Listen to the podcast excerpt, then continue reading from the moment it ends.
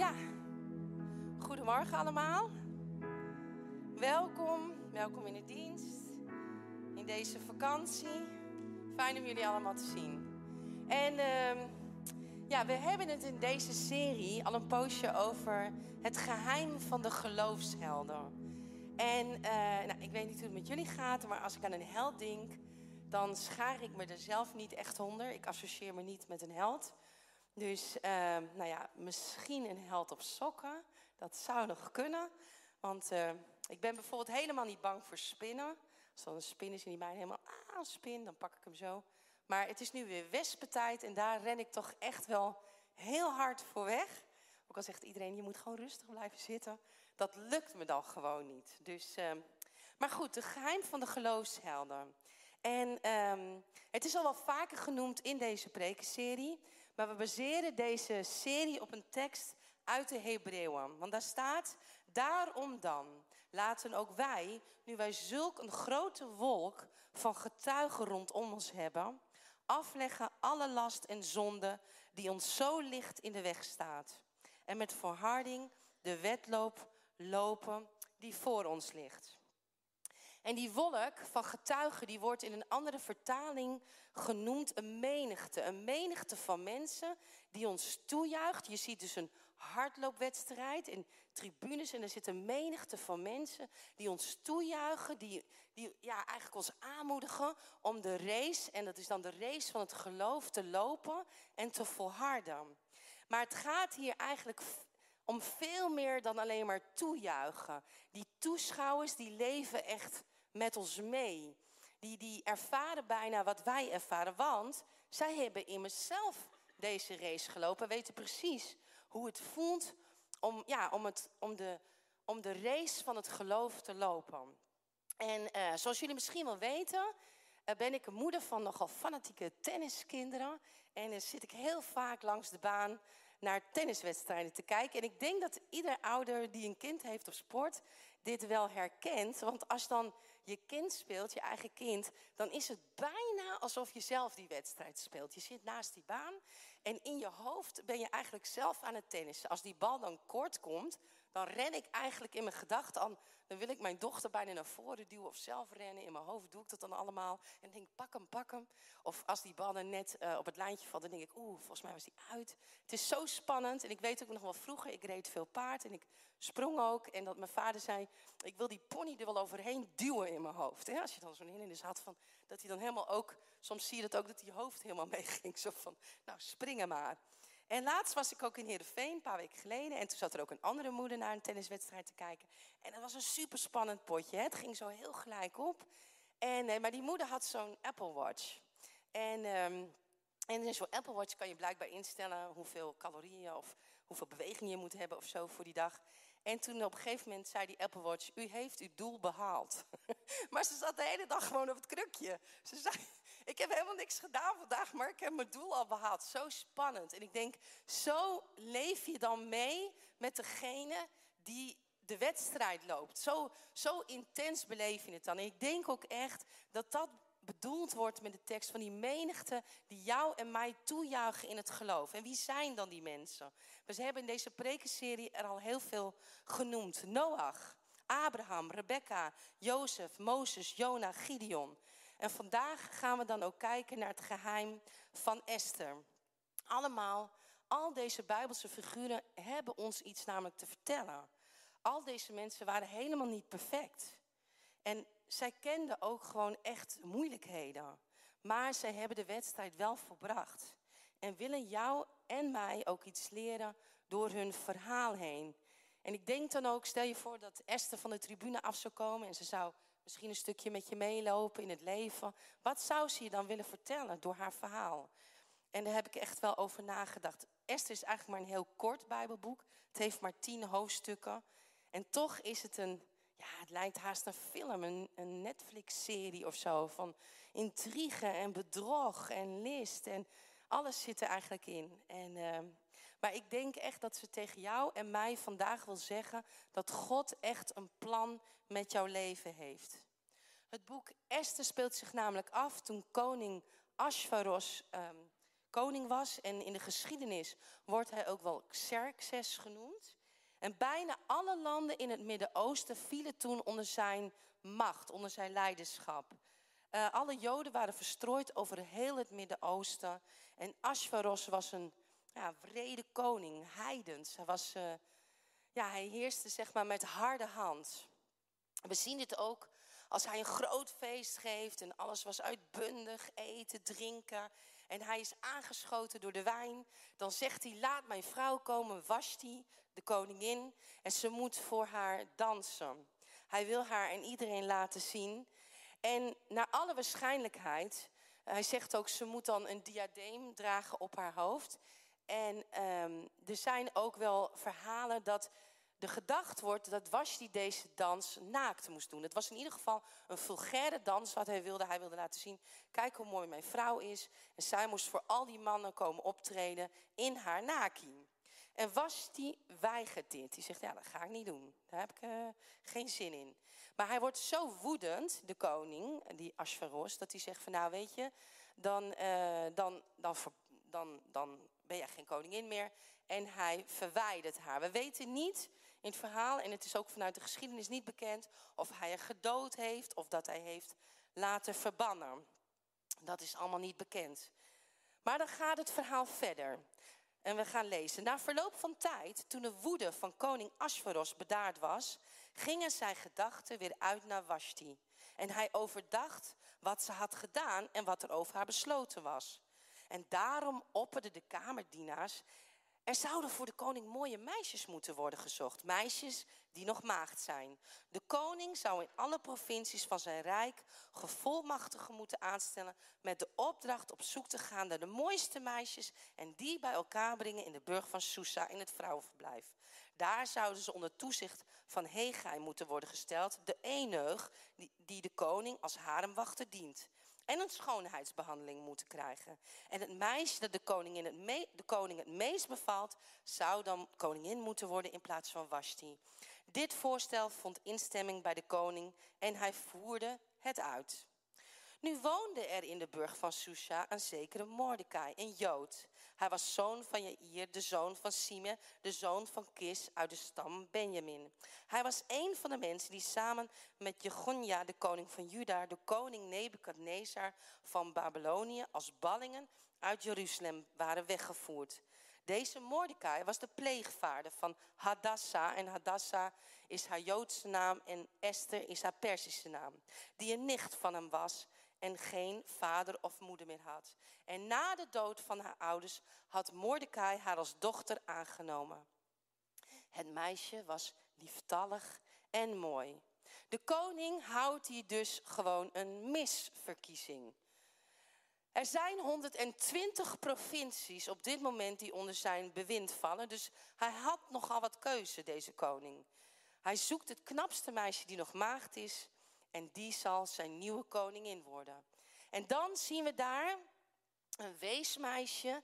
En ik denk in die tijd dat je het als weesmeisje niet echt makkelijk had. Haar ouders leefden niet meer en ze wordt opgevoed door een oom. Dus we hebben het hier echt, ja, ik denk in die tijd dat het gewoon een moeilijke periode was. En er wordt ook nergens in de Bijbel genoemd dat Mordecai een vrouw had. Dus waarschijnlijk heeft Esther in haar leven nooit een vrouw of een moederfiguur in haar leven gehad. En ze woont ook nog in een land wat niet haar land is. En waarin de Joden ook uh, ja, eigenlijk achtergesteld waren en gepest werden. Mordecai zegt namelijk nadrukkelijk tegen Esther, en dat staat in het boek, dat ze niet moet zeggen dat ze Joods is. En dat heeft een betekenis, want de eerste tekenen van het antisemitisme werden hier al zichtbaar.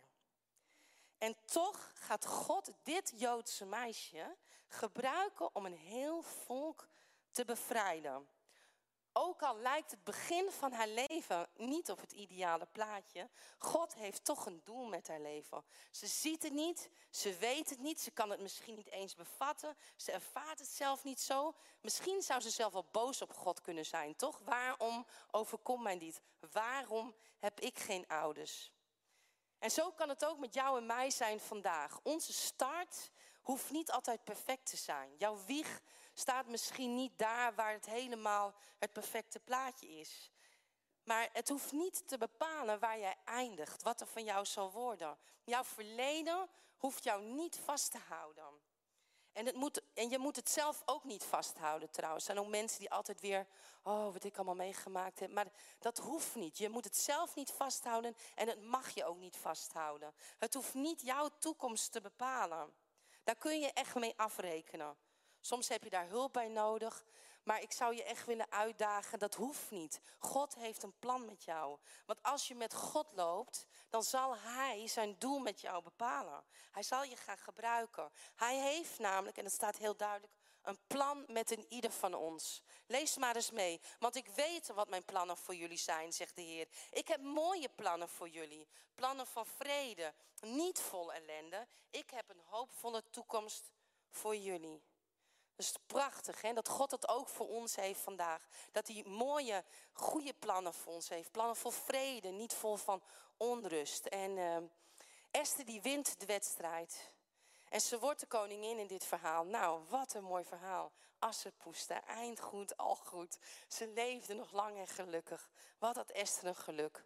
En we romantiseren dit verhaal eigenlijk alsof Esther de lotto heeft gewonnen. Maar Esther was waarschijnlijk doodsbang voor deze koning. Want dit was gewoon een gruwelijk man. Hij gaf niets om een leven. Dat zie je al hoe hij omgaat met die Washti. Hup, weg ermee, volgende. En we zien het ook verderop in het verhaal dat Esther dan zegt: Ja, maar als ik zomaar naar de koning toe ga zonder toestemming, dan kan hij mij doden. Dit was namelijk niet het ideale sprookjeshuwelijk. Ze hadden geen huwelijkscursussen gehad van tevoren. En hoe, hoe om te gaan met communicatie binnen het huwelijk. Dat gebeurde allemaal hier niet. Het was uh, geen vreugde, geen romantiek, geen roziger en maneschijn. Ze werd gewoon gedwongen om met hem te trouwen. Er is iets heel bijzonders in het boek Esther. Een heel bijzonder iets wat andere boeken niet hebben. Want in Esther wordt namelijk de naam van God niet één keer genoemd. In alle andere Bijbelboeken wordt de naam meerdere keren genoemd, of soms één keer. En soms uh, als El Shaddai of Elohim. Maar in het boek Esther wordt de naam van God niet één keer genoemd. En toch zien we de hand van God in dit, gewoon door dit hele Bijbelboek. Dat God dit gewoon regisseert. Dat Hij erbij is. Dat Hij hier helemaal in zit. En dat is een kracht, ook een krachtige les voor ons in ons leven. Want je kunt door seizoenen gaan in je leven. En dat heeft iedereen, heb ik zelf ook gehad, waarin je God niet ziet. Je voelt hem niet. Je denkt, is hij er wel? Bestaat hij wel? Alles gaat de verkeerde kant op. Alles dreigt de verkeerde kant om te gaan in je leven. Het is donker. En je denkt, waar is God dan te midden van mijn ellende? Waar, waar is hij? Ik hoor hem niet, ik zie hem niet, ik voel hem niet. En toch toch zie je ook door dit verhaal heen, hij werkt wel. En soms in het verborgene, ook al voelen wij het niet, ook al zien wij het niet, ook al weten wij het niet. God werkt door situaties heen. Je kunt er soms niet altijd met je verstand bij, want je, wij willen het allemaal zo graag begrijpen, maar zo werkt het niet. En je kan echt denken, waarom God, waarom dit? Maar hij is erbij. Zo gebeurde het dat haar oom Mordecai namelijk, en daar zien we al zo'n iets apart, bij de poort van de koning zit. En waarschijnlijk had Mordecai een hooggeplaatste functie, ook binnen de regering van Ashvaros. En hij hoort daar toevallig, heel toevallig, hoort hij daar twee deurwachters praten. En die willen het leven van de koning nemen. En deurwachters waren eigenlijk een soort bodyguards, die staan daar voor die deur. Mordecai kan gewoon niet geloven wat hij hoort. Hij denkt, huh, is dit echt zo? Hij, hij denkt, nou, dit, dit moet, uh, dit moet openbaar worden. Dus hij gaat naar Esther toe, hij vertelt het. Esther die, die vertelt het weer door en zo wordt deze aanslag voorkomen. Er wordt onderzoek gedaan, die bodyguards worden vermoord en uh, alles is weer op zijn pootjes. En, maar de koning weet helemaal niet dat Mordecai hier een aandeel in heeft gehad. Die weet niet hoe dit allemaal tot stand is gekomen. En uh, maar in die tijd werd alles opgeschreven in een soort geschiedenisboeken. Dat noemden ze toen de chronieken. En dan is er nog een personage die ik moet introduceren in dit verhaal. Niet geheel onbelangrijk. Zijn naam is Haman.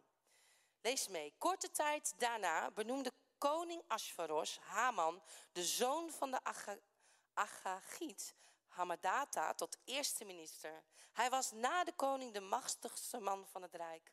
Alle dienaren van de koning maakten een zeer diepe buiging wanneer Haman passeerde, want zo had de koning het bevolen. Maar Mordecai weigerde te buigen en hem eer te, en eer te bewijzen. Ik denk dat Esther ook door dit verhaal tegen jou en mij wil zeggen dat God jou moedig wil maken. Haman was een machtig man en hij genoot hiervan. Iedereen moest voor hem buigen, hem eer bewijzen. Wat fantastisch. Dat Mordecai dit niet deed, was ontzettend moedig. Want je ziet, er staat geschreven, de koning had het bevolen, maar hij deed het niet. En Haman was net zo wreed en gruwelijk als de koning zelf. Het is mogelijk dat, uh, dat Haman zichzelf eigenlijk als goddelijk zag. In die tijd had je dat, dan riepen ze zich af tot de goddelijkheid. En daarom kon Mordecai ook niet buigen. Want Mordecai had van kinds af aan geleerd dat je je knieën alleen buigt voor de enige ware God, Yahweh. De koning der koningen. Je buigt je knieën niet voor mensen. Het was van hem een daad van aanbidding, niet buigen. Hij deed dit namelijk niet vanuit een houding van rebellie. Van ik ga het even lekker niet doen. Hij kon het niet. Hij kon het niet, want het ging namelijk rechtstreeks tegen zijn geloof in. En uit al die tienduizenden mensen die voor die Haman neerbogen, kon Haman alleen maar denken aan die ene Jood die dit niet deed. En zijn eer was zo aangetast en hij voelde zoveel haat voor die Mordecai. Dat hij dacht, ja, ik wil hem gewoon, ik wil hem doden. Hij zou hem wel met zijn blote handen willen doden. Maar die haat zette hij ook om tegen haat. Hij dacht, ik vermoord niet alleen Mordecai. Alle Joden moeten eraan. En, um, en Mordecai, die zwom gewoon letterlijk tegen de stroom in. Hij deed niet wat iedereen deed.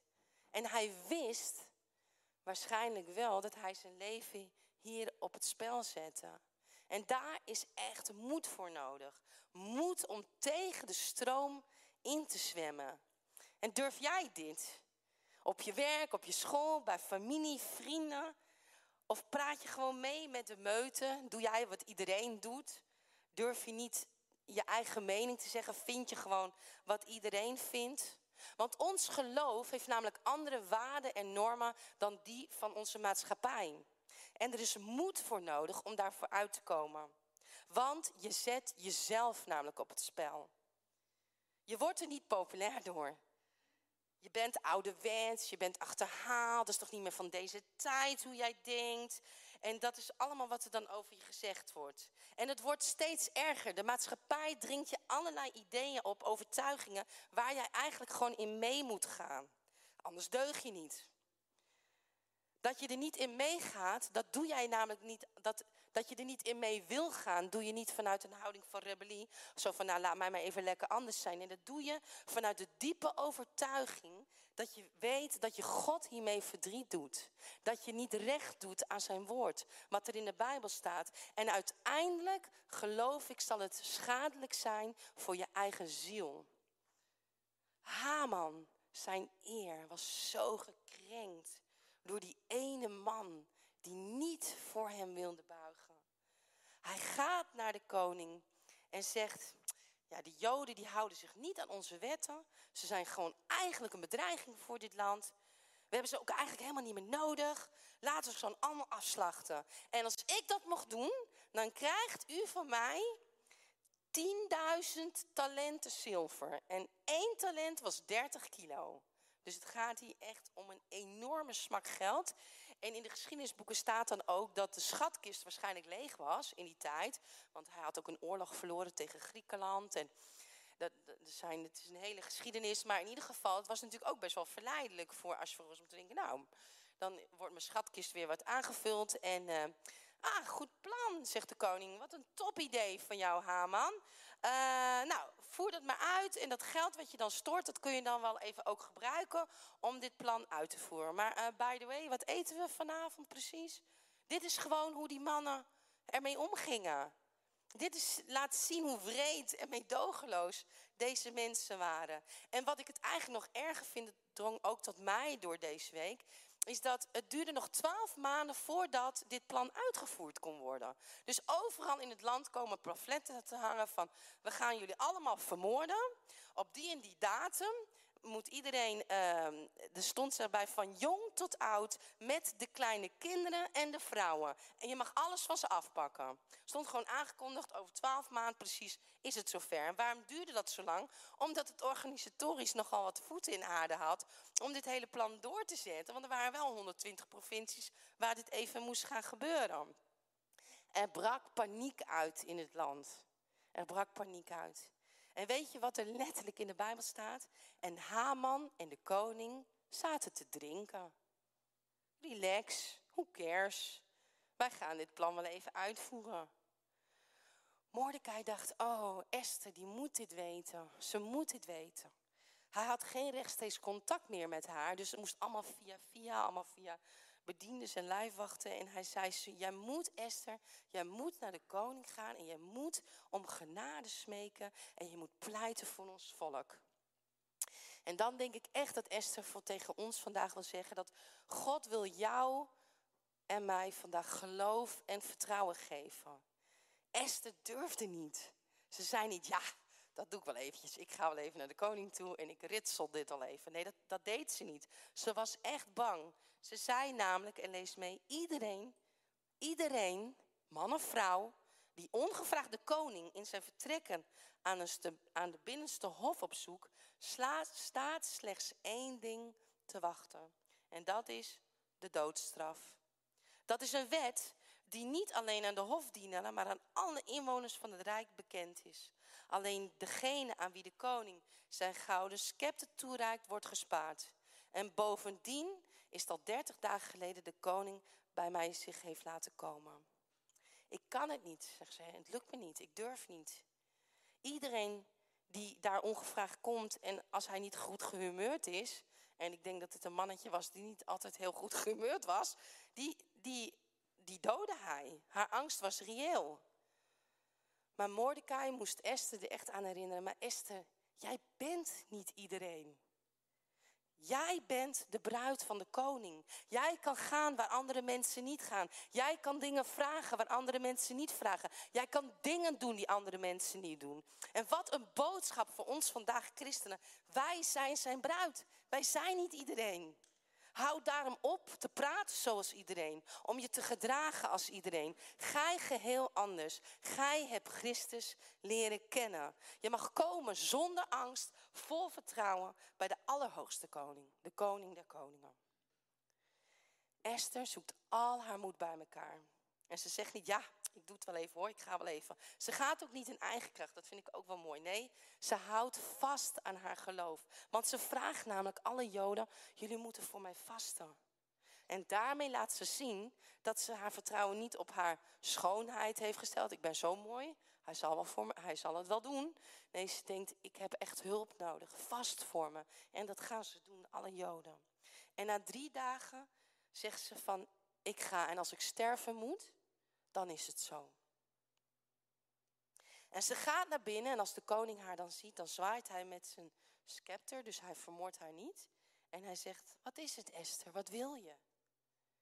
En Esther durft het misschien, we weten niet of Esther niet durft te zeggen, of dat ze misschien dacht van, of dat ze het helemaal uitgedacht had, hoe ze dit, hoe ze dit zou gaan doen, hoe ze dit zou gaan aanpakken. Maar in ieder geval zegt ze, uh, en het is wel een slimme vrouw, want ik denk dat uh, iedere man hiervoor zal vallen.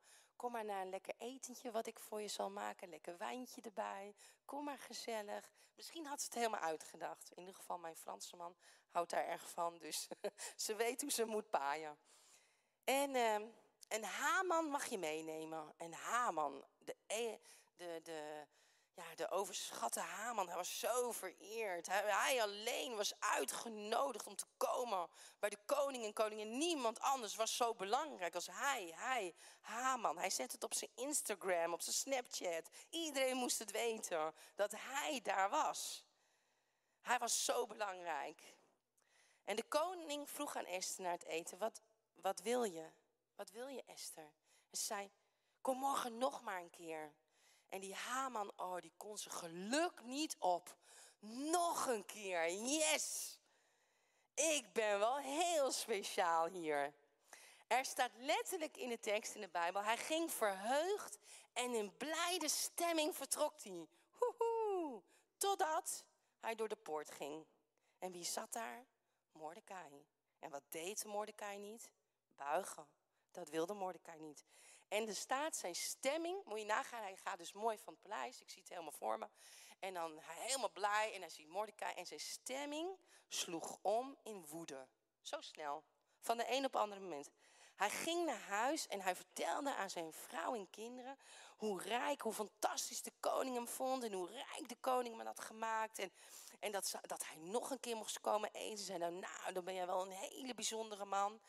Maar hij zei ook, eigenlijk kan ik niet zo van het etentje genieten. Want die vervelende Mordecai daar in die poort, die wil maar niet voor mij buigen. Zelfs niet naar het dineetje met de koning en de koningin. Hij buigt niet. En zijn vrouw en vrienden hadden toen een heel gepland. Ze zegt, nou weet je wat Mordecai, laat toch een paal maken van 25 meter hoog. Dat doe je vanavond nog.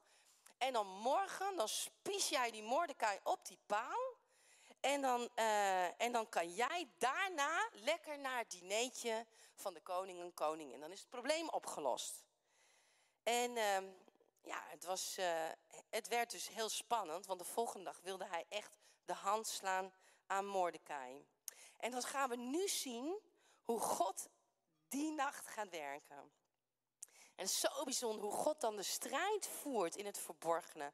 Wat ik ook zei, ook al zien we het niet, hij voert de strijd.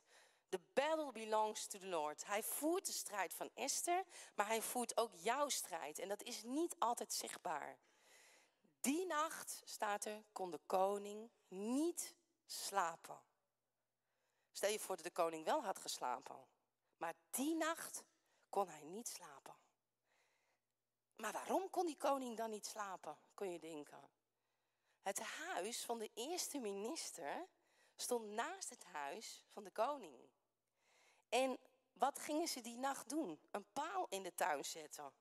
Nou, een paal van 25 meter hoog, die moet ook best wel de, diepte in. En het was in de achtertuin, staat ook in de Bijbel. In de achtertuin. En uit de geschiedenisboeken blijkt dat de, de eerste minister pal naast het huis van de koning.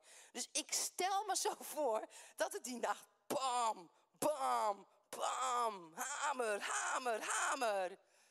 Ja, ik kan me nog voorstellen dat zo'n koning niet echt goed kan slapen met zo'n lawaai in de tuin. Die nacht kon de koning niet slapen. En dan vraagt hij, hij denkt, hoe kom ik nou in slaap? Hij neemt niet een glaasje melk, hij gaat niet onder een douche. Hij denkt, nou, Haal de geschiedenisboeken op. Nou, ik kan me goed voorstellen dat dat heel slaapverwekkend is. Misschien zouden jullie het ook eens moeten proberen. Als jullie s'nachts niet kunnen slapen, pak een geschiedenisboek en begin te lezen. Ik weet zeker dat je in slaap valt. En ze openen de boeken en toevallig, toevallig, komt daar het verhaal van Mordecai die de aanslag had voorkomen op het leven van de koning. Hoe toevallig. De koning kan niet slapen en wat lezen ze voor? Het verhaal van Mordecai. En de koning vraagt, hoe hebben we deze man eigenlijk hiervoor bedankt? Nou, er is nooit iets, uh, nooit, we hebben deze man nooit bedankt. En de volgende ochtend, Haman heeft de paal laten die komt bij de koning, die heeft maar één ding in zijn hoofd, die Mordecai gaat vandaag aan die paal. Hij komt bij die koning en wat vraagt de koning? En die zegt, Haman, vertel me eens. Wat zou jij doen als jij iemand een hele grote eer wilt bewijzen?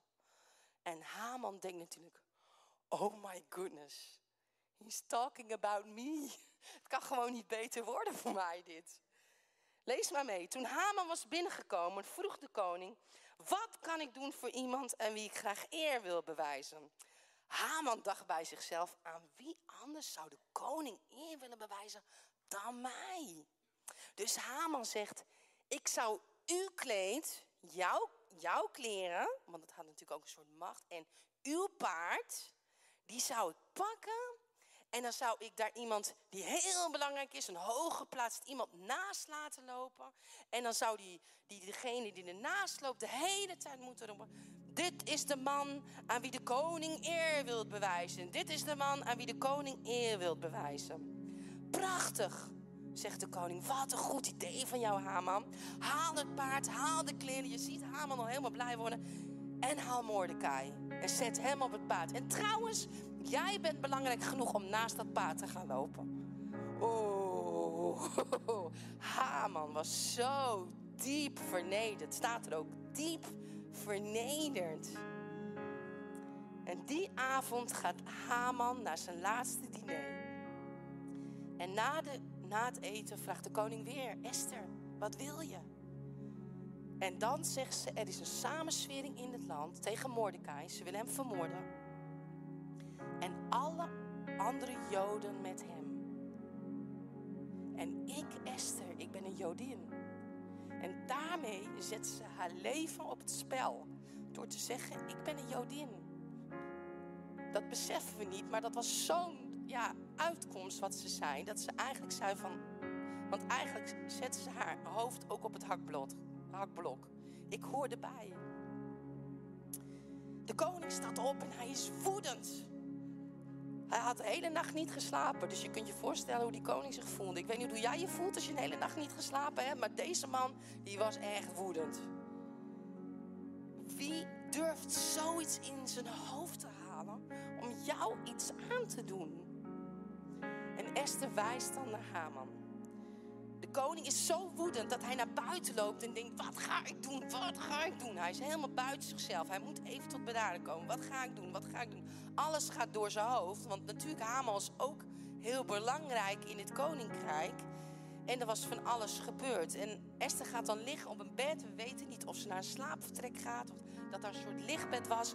En Haman die gaat naar de toe en die probeert te smeken voor zijn leven. Hij gaat op de knieën. En hij zit waarschijnlijk elleboog op bed. En de koning komt terug van de tuin. Die ziet dat. Die denkt ook nog dat de Haman zijn vrouw aanrandt. En dan, zegt hij, en dan zegt een van de hulpjes, dat vind ik dan ook zo grappig, al die hulpjes die daar in het verhaal rondlopen. Ik weet wel wat we kunnen doen, koning. Haman heeft een hele grote paal in de tuin staan, daar kunnen we hem wel op spiezen. Goed idee, zegt de koning. En zo gebeurt het ook. Zo gebeurt het ook. De paal, die 25 meter hoog, was voor Mordecai. En dat was extreem hoog, ook voor die tijd. Het was ook een teken van, ja, van vernedering eigenlijk. Kijk wat we met hem gedaan hebben. Daar wordt Haman aan gespiest. En de wet dat de Joden vervolgd moesten worden, die kon niet meer veranderd worden. Maar de koning maakte er nog een wet bij dat de Joden zich mochten verdedigen. Mordecai wordt uiteindelijk ook eerste minister in het land. En zo wordt die genocide op de Joden voorkomen. Door een heldhaftig optreden van een weesmeisje. Haar start eigenlijk waarvan je denkt... Ja, dat is geen goede start om te beginnen. Zij verandert gewoon een stukje geschiedenis. En dit is niet alleen geschiedenis. Want dit verhaal herinnert jou en mij er ook aan dat jouw koning, koning Jezus, gaat niet slapen als je hem nodig hebt. Want hij is de koning de koningen en de getuige Mordecai en Esther. Die door hun leven jou aanmoedigen en zeggen: Je kunt het. Ga door. God zal je bijstaan. Wij weten het. Wij hebben het ervaren. In de psalmen staat, hij zal ervoor zorgen dat je niets overkomt. Je beschermer slaapt nooit. De beschermer van Israël rust niet en slaapt niet. Hij let op je. Net als de schaduw is de Heer altijd bij je. Hij zal je beschermen. Als jij niet meer weet hoe het verder moet, als jij denkt dat God niet aanwezig is en zich niet met jouw leven bemoeit, dan is dit het verhaal wat bewijst dat God dat wel doet. Als er mensen zijn die jou naar beneden willen halen, die jou willen laten struikelen, besef dan dat God jouw koning niet slaapt. En, dat hij, en als alle andere mensen proberen om jou kapot te maken, dat God alles doet meewerken ten goede voor hem die hem lief hebben. Dat hebben we gezien in dit verhaal. Maar besef dat. Geen enkel wapen dat wordt gesmeed, lees mee, om tegen dat maar geen enkel wapen dat wordt gesmeed om tegen jou gebruikt te worden, zal je nog kwaad kunnen doen. En elke rechtszaak die anderen tegen jou beginnen, zul je winnen. Dit is wat ik mijn dienaren geef. Dit is hoe ik hen vrijspreek van schuld, zegt de Heer. Wauw, wat een verhaal. Wat een beloftes, wat een levenslessen. Wat kunnen wij hier veel uithalen? Ontdek jouw plan voor God en, wandel met God. Je zag het ook. Ze deden het niet uit eigen kracht. Ze deden het met God. Esther liet ze vasten. Mordecai boog niet uit rebellie. Hij wist van ik kan mijn knie niet buigen. Ik kan niet meegaan met deze tijdsgeest. Dat kan ik niet. Het gaat tegen mijn geloof in. Ontdek jouw plan met God en wees moedig. Durf uit te stappen, ook al is het niet makkelijk. Dat Esther had het ook niet makkelijk en Mordecai, dat kunnen we niet zeggen. Maar vertrouw op hem en geloof echt dat God het beste met je voor heeft. Laten we onze ogen buigen. Laten we bidden. Ja, Vader in de hemel, dank u wel, Heer, dat de Bijbel zulke ja, ongelooflijk mooie verhalen heeft, Heer. En dat, dat die menigte van getuigen, Heer, uit het Oude Testament, Heer, ons aanmoedigen. Zij hebben die wedloop al gelopen. Zij weten, Heer, waar wij doorheen gaan in onze tijd. Dat zijn andere tijden dan toen, Heer. Maar ze weten de valkuilen, ze kennen de problemen, Heer. En ze, kennen, ja, ze weten, Heer, wat het is om, ja, om door moeilijkheden heen te gaan. En toch leren we zoveel van de verhalen van hun. Waar ze doorheen zijn gegaan, waar ze hebben mee moeten worstelen. En ook wij, Heer. Dat we mogen weten, Heer, ook in het boek van Esther waar u het hele verhaal al geregisseerd heeft, Heer. Maar waar uw naam nergens genoemd toch. Toch weten wij dat u erbij was. Dat u dit allemaal zo ja, gedaan heeft, Heer. En dat is zo bemoediging voor ons vandaag. Dat u in ons leven bent, Heer. Ook al zien wij u niet, ook al voelen wij u niet altijd, ook al luidt u soms heel ver weg, Heer. U weet altijd de uitkomst. U weet, Heer, hoe het verhaal eindigt. Wij kunnen niet zien, Heer. Wij zien maar tot een bepaald gedeelte, maar u ziet het, het einde, Heer. U kan altijd het einde zien.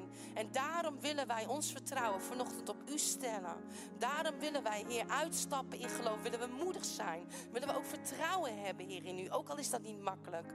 Ook al kost het ons soms wat, Heer. Ook al worden we dan soms, ja, ook door de maatschappij, Heer, met rare ogen misschien bekeken, Heer. Toch willen we u dienen, Heer, want u bent de grootste God. U bent de koning der koningen. U staat boven alle koningen van deze aarde, Heer. En ja, we willen echt bidden, Heer, dat in ieder ook hier, deze ochtend die misschien hier gezeten heeft, of die online kijkt, Heer, ja, er echt iets aan mag hebben, Heer. En ik wil je uitdagen om echt Jezus te vinden in jouw leven. Om echt Hem te zoeken en om echt dicht bij Hem te komen. Want zonder Hem kun je het niet. Je zag het ook in het verhaal van Esther. Er moest gevast worden. Zonder God kon ze het niet.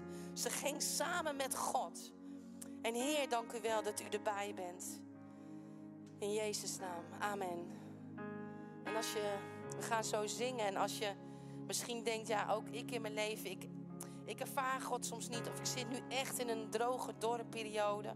Ik twijfel aan alles. Schaam je niet. Het, iedereen heeft het. En iedereen denkt wel eens, waar is God? Waarom dit? Waarom ik? Er zijn hier ook etagères. Er zijn mensen die voor je kunnen bidden. En uh, nou, ook heel veel uh, ja, sterkte en een fijne zondag nog.